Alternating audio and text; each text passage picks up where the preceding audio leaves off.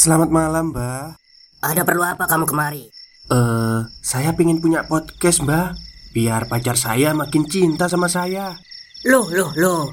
Mau bikin podcast kok tanya dukun? Sekarang kamu download aplikasi Anchor.fm. Di situ kamu bisa buat podcast gratis dan podcast kamu bisa didistribusikan ke platform mana pun. Dan di aplikasi atau website Anchor.fm juga terdapat fitur-fitur yang memudahkan kamu untuk membuat podcast. Oh, gitu ya, Mbak. Kalau gitu, saya boleh minta password wifi-nya, Mbak. Buat apa? Buat download Anchor.fm, Mbak. Subuh pun menjelang. Saya harus melakukan aktivitas lain. Tapi yang saya tidak tahu itu adalah terakhir kalinya saya bertemu dengan Mbak Kinasi dalam keadaan hidup. Karena keesokan harinya, Simbok menemukan Mbak Kinasi sudah kaku tak bernyawa. Entah apa penyebabnya. Kalau kata Pak Mantri, dia gagal jantung. Sungguh alasan yang sangat klise. Kinasi mati dalam pasungan. Menjelang 40 hari. Rasanya seperti tidak percaya Mbak Kinasi sudah meninggal. Kenapa Mbak Kinasi meninggal semudah itu? Mungkin karena jiwanya yang sudah cukup menderita selama ini. 29 hari sudah setelah kepergian Mbak Kinasi. Rasanya ada yang kurang. Tidak ada lagi suara lonceng yang berbunyi Yang harus membangunkan saya. Pilu sekali jalan hidupnya. Ah, tapi hidup masih harus terus berjalan Hari pun berlalu, dan di suatu malam saya terbangun oleh suara lonceng. Kali ini dengan irama yang lambat. Saya bergegas bangun dan membuka tudung saji di dapur untuk mengambil makanan. Karena tidak ada yang bisa dimakan, saya memutuskan untuk menggoreng telur. Ah, Mbak Kinasi ingin makan batin saya Sembari suara lonceng itu sesekali berbunyi Ketika saya ingin menyalakan motor Kompor maksud saya Simbok terbangun dan menghampiri saya Dia berkata Mau apa kamu Karbin? Itu loh Mbak Kinasi Sebelum saya menyelesaikan kalimat untuk menjawab ibu saya, saya baru tersadar. Astagfirullah, saya menyadari kalau Mbak Kinasi kan sudah meninggal. Kita berdua pun saling bertatapan, tapi tadi saya benar-benar mendengar suara lonceng itu. Berani sumpah Simbok pun mengajak saya untuk masuk lagi ke kamar. Dan ketika beberapa langkah ke depan, suara lonceng itu terdengar kembali. Kita berdua mendengarnya. Seketika itu kami bergidik dan bergegas masuk. Tapi suara lonceng itu masih ada. Simbokku ini memang orangnya agak pemberani dia mengajakku untuk melihat. Aku pun yang agak penasaran, juga ikut di belakang Simbok. Suara lonceng itu masih ada. Ting, ting. Sampailah kami di depan jendela bekas kamar Mbak Kinasi. Di situ Simbok bilang, "Wes no, Simbo, Karbin, bapak dan ibu wis ikhlas. Perlahan suara lonceng itu hilang. Saya pikir kejadian akan berhenti di waktu itu, tapi ternyata belum. Empat puluh hari sudah berlalu, pikiranku masih bertanya-tanya Mengingat kejadian suara lonceng tempo hari Nampaknya bapak mulai menunjukkan penyesalan Dia sering sakit dan melamun setiap hari. Semua pekerjaan mengurus tujuh tempat gilingan padi semua dipasrahkan ke saya. Dalam beberapa pembicaraan, dia sempat berkata, "Rasanya aku mau mati kalau merasakan semua ini." Tapi itu kita kesampingkan dulu. Kembali ke cerita. Waktu itu musim panen, pastilah tempat gilingan akan dipenuhi oleh para pelanggan. Saya jadi sangat sibuk dan lelah hari itu. Waktu itu hari terasa biasa saja. Sepulang kerja, saya langsung mandi dan tidur. Tanpa sadar, saya melewatkan sholat maghrib. Kira-kira jam 10 malam, Simbok membangunkanku untuk sholat isya. Dengan sedikit malas saya mengambil wudhu dan sholat. Jadi Antara pavilion, kamar mandi itu ada jalan kecil. Di mana di situlah jendela bekas kamar Mbak Kinasti berada. Waktu itu saya sempat menengok sebentar Tapi tidak ada perasaan apa-apa Singkat cerita, setelah saya sholat, saya kembali tidur, dan dalam tidur saya mengalami ketindian. Ya, mungkin karena kecapean. Setelah berusaha untuk menggerakkan badan, akhirnya saya bisa terbangun. Kata orang tua zaman dahulu, kalau kita ketindihan, setelah bangun kita harus membalik bantal kita. Itu memang sudah jadi kebiasaan saya kalau pas ketindian. Dan ketika saya ingin membalik bantal, saya mendengar sayup-sayup suara orang bernyanyi. Sumbernya dari depan pavilion. Saya coba cermati, memang benar ada suara itu. Saya yang penasaran mencoba mendekati sumber suara. Nyanyian itu masih ada. Sampailah saya di depan pintu saya langsung membuka pintu. Suara itu hilang, tapi di depan saya, saya melihat sosok perempuan mirip sekali dengan Mbak Kinasi waktu itu semasa muda. Wajahnya tak terlihat pasti, cuma bentuk tubuhnya saja. Di situ saya terpaku. Perlahan sosok itu berjalan mendekat dan memang benar Itu adalah wujud dari Mbak Kinasi yang dulu. Di situ saya ketakutan tidak bisa bergerak. Sosok itu tersenyum dan berkata Bin Karbin Saya langsung roboh dan merangkak masuk. Saya tutup pintu dan menangis Memanggil Simbok Simbok pun terbangun. Saya sulit berbicara, hanya bisa mengacungkan jari ke arah depan pavilion.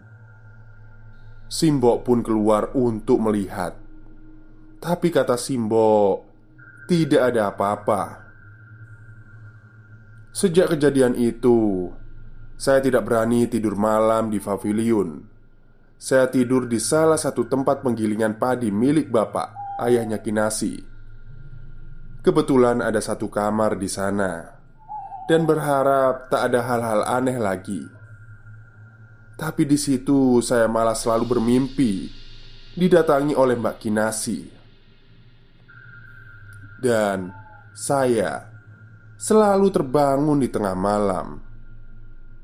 Sangat tersiksa rasanya. Kira-kira seminggu bermalam di situ saya bermimpi didatangi oleh Mbak Kinasi. Tapi dengan wujud ketika depresi Gemuk Rambutnya kusut tak beraturan. Di mimpi itu Mbak Kinasi duduk membelakangi saya Sambil membunyikan loncengnya. Saya pun terbangun dari mimpi itu. Dan ketika mata saya terbuka Tahukah apa yang di depan saya? Ya, ada Mbak Kinasi di depan saya, tepatnya di samping ujung kaki kanan saya.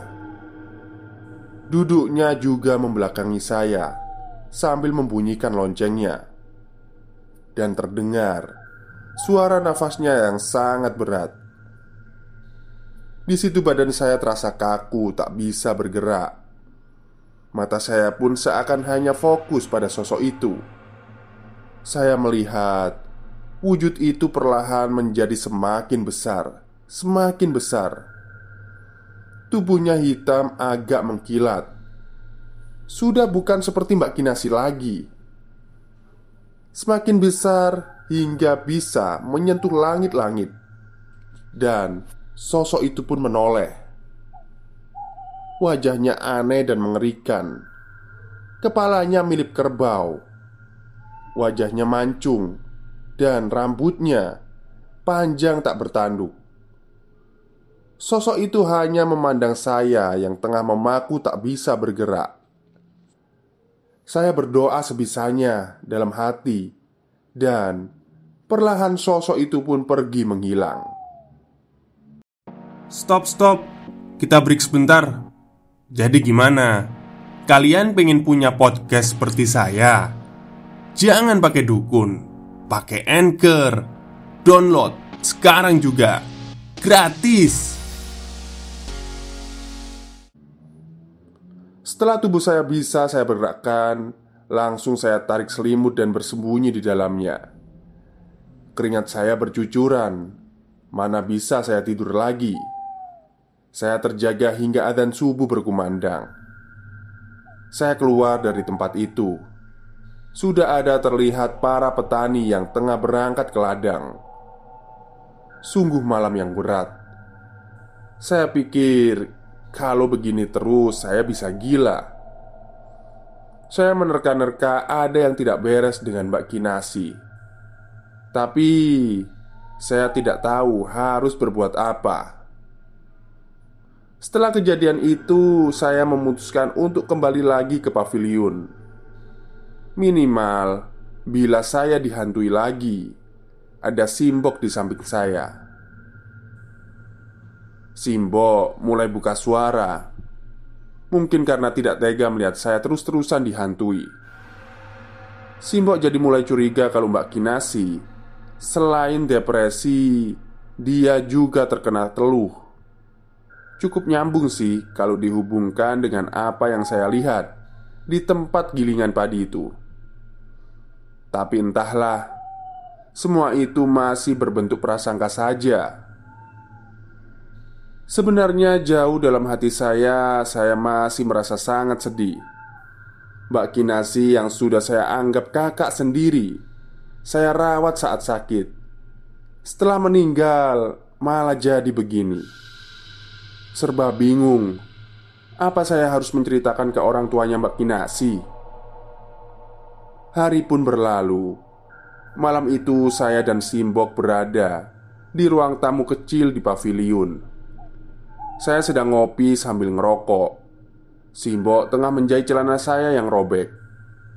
Kebetulan esok hari saya akan mengantar sepupu saya yang akan menikah. Ngiring manten kalau bahasa Jawanya. Kami sedikit bercanda waktu itu. Sembari menjahit, Simbo bilang, "Itu loh, kuncung aja udah mau nikah. Terus kamu kapan?" Kuncung adalah nama kecil dari sepupu saya.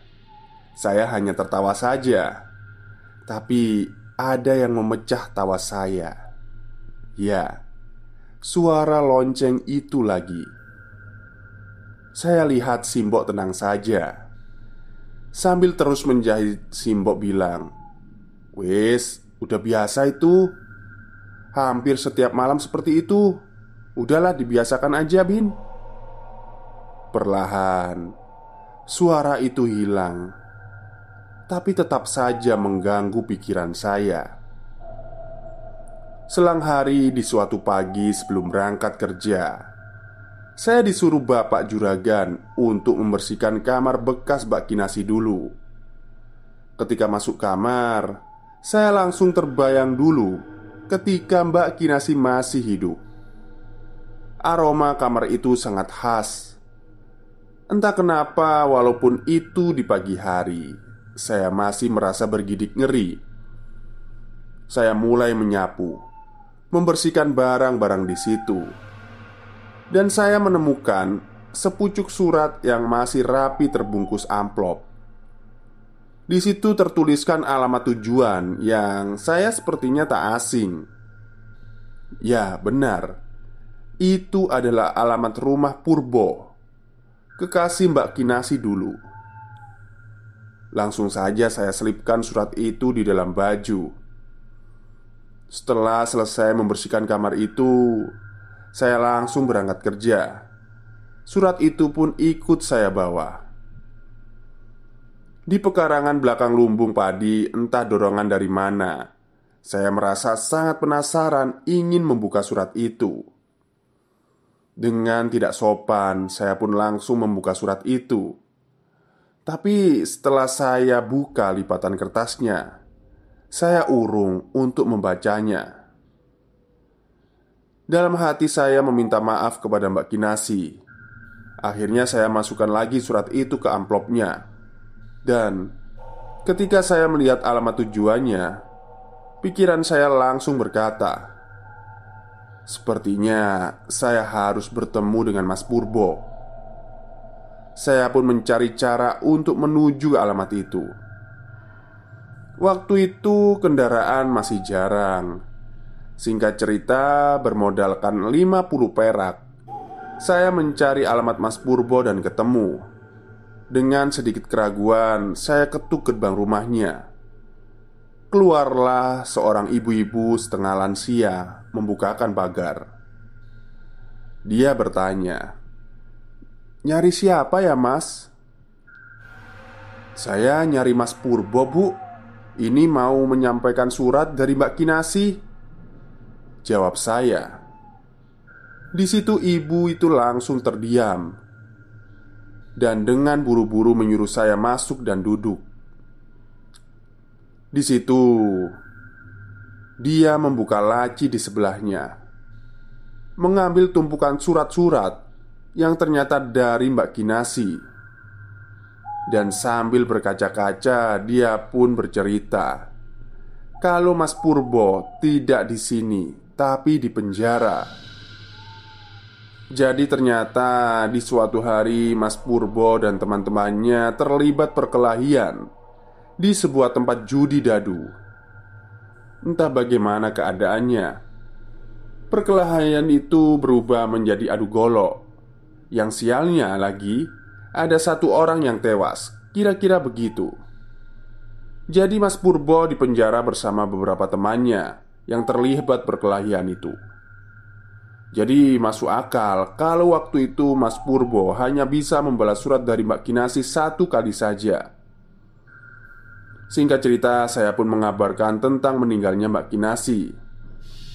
Dan keadaannya dulu seketika ibu itu menangis Terjadi pembicaraan yang panjang Saya pun mulai terbuka dan menceritakan sikap Bapak Kinasi Terhadap lamarannya Mas Purbo Begitu juga tuduhannya tentang keluarga Mas Purbo Yang terafiliasi dengan PKI komunis. Yang nyatanya langsung ditepis oleh ibu Mas Purbo dengan alasan yang sangat meyakinkan. Dugaan saya benar tentang tujuan Bapak Mbak Kinasi yang serampangan dan tidak mendasar itu. Yang nyatanya malah menghancurkan hidup anaknya sendiri Singkat cerita, setelah obrolan panjang dan lama itu, saya pamit pulang. Ada perasaan agak lega dalam diri saya. Sampai rumah, saya pun bercerita kepada Simbo tentang pertemuan tadi. Simbo agak sedikit marah, tapi Simbo tahu kalau semua ini saya lakukan semata-mata karena kita peduli dengan Mbak Kinasi. Malamnya pun saya bermimpi bertemu dengan Mbak Kinasi dengan wujud terbaiknya. Di situ dia berkata, "Terima kasih ya, Bin, sudah mengurus dan peduli denganku." Saya pun terbangun dan lagi-lagi mendengar suara lonceng itu. Saya menangis, takut bercampur sedih. Lonceng itu dekat sekali, seperti ada di balik jendela kamar saya. Saya terus berdoa, dan ada ketukan keras di jendela saya. Brak Diikuti oleh suara yang menyuruh saya untuk diam Shh, shh. Saya pun sejenak menghentikan doa Dan terdengar Kata yang sangat jelas kata itu adalah Aji Aji Aji Dan gangguan itu hilang Saya pun terjaga hingga pagi hari Kejadian-kejadian selama ini hampir membuat saya depresi karena sudah tidak kuat lagi. Saya pun curhat ke seorang ustadz tentang apa yang saya alami.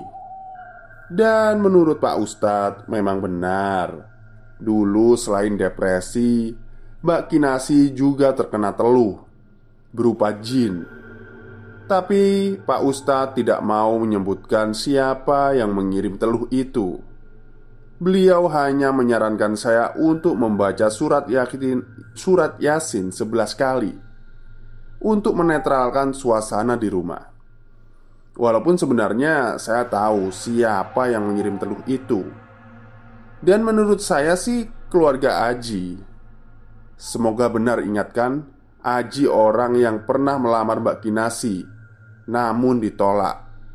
Dikuatkan oleh suara tempo malam yang berkata Aji, Aji, Aji.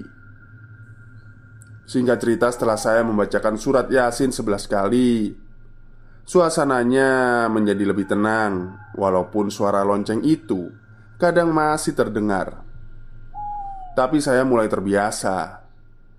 Bertahun yang lalu awal tahun 1972 Bapak Mbak Kinasi meninggal.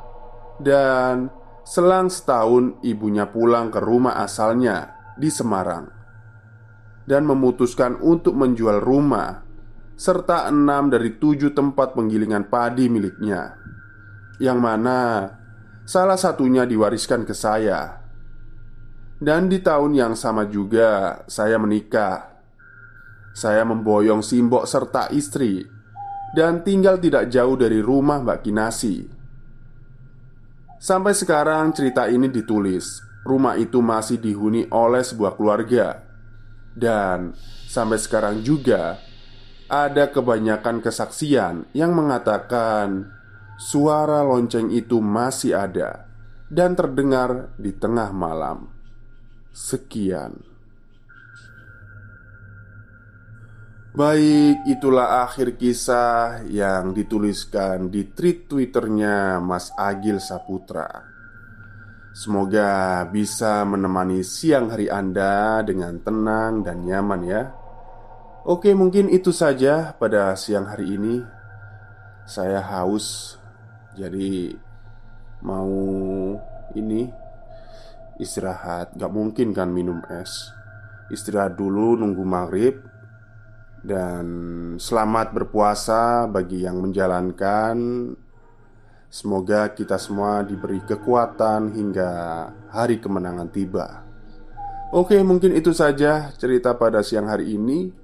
Kurang lebihnya saya mohon maaf. Wassalamualaikum warahmatullahi wabarakatuh.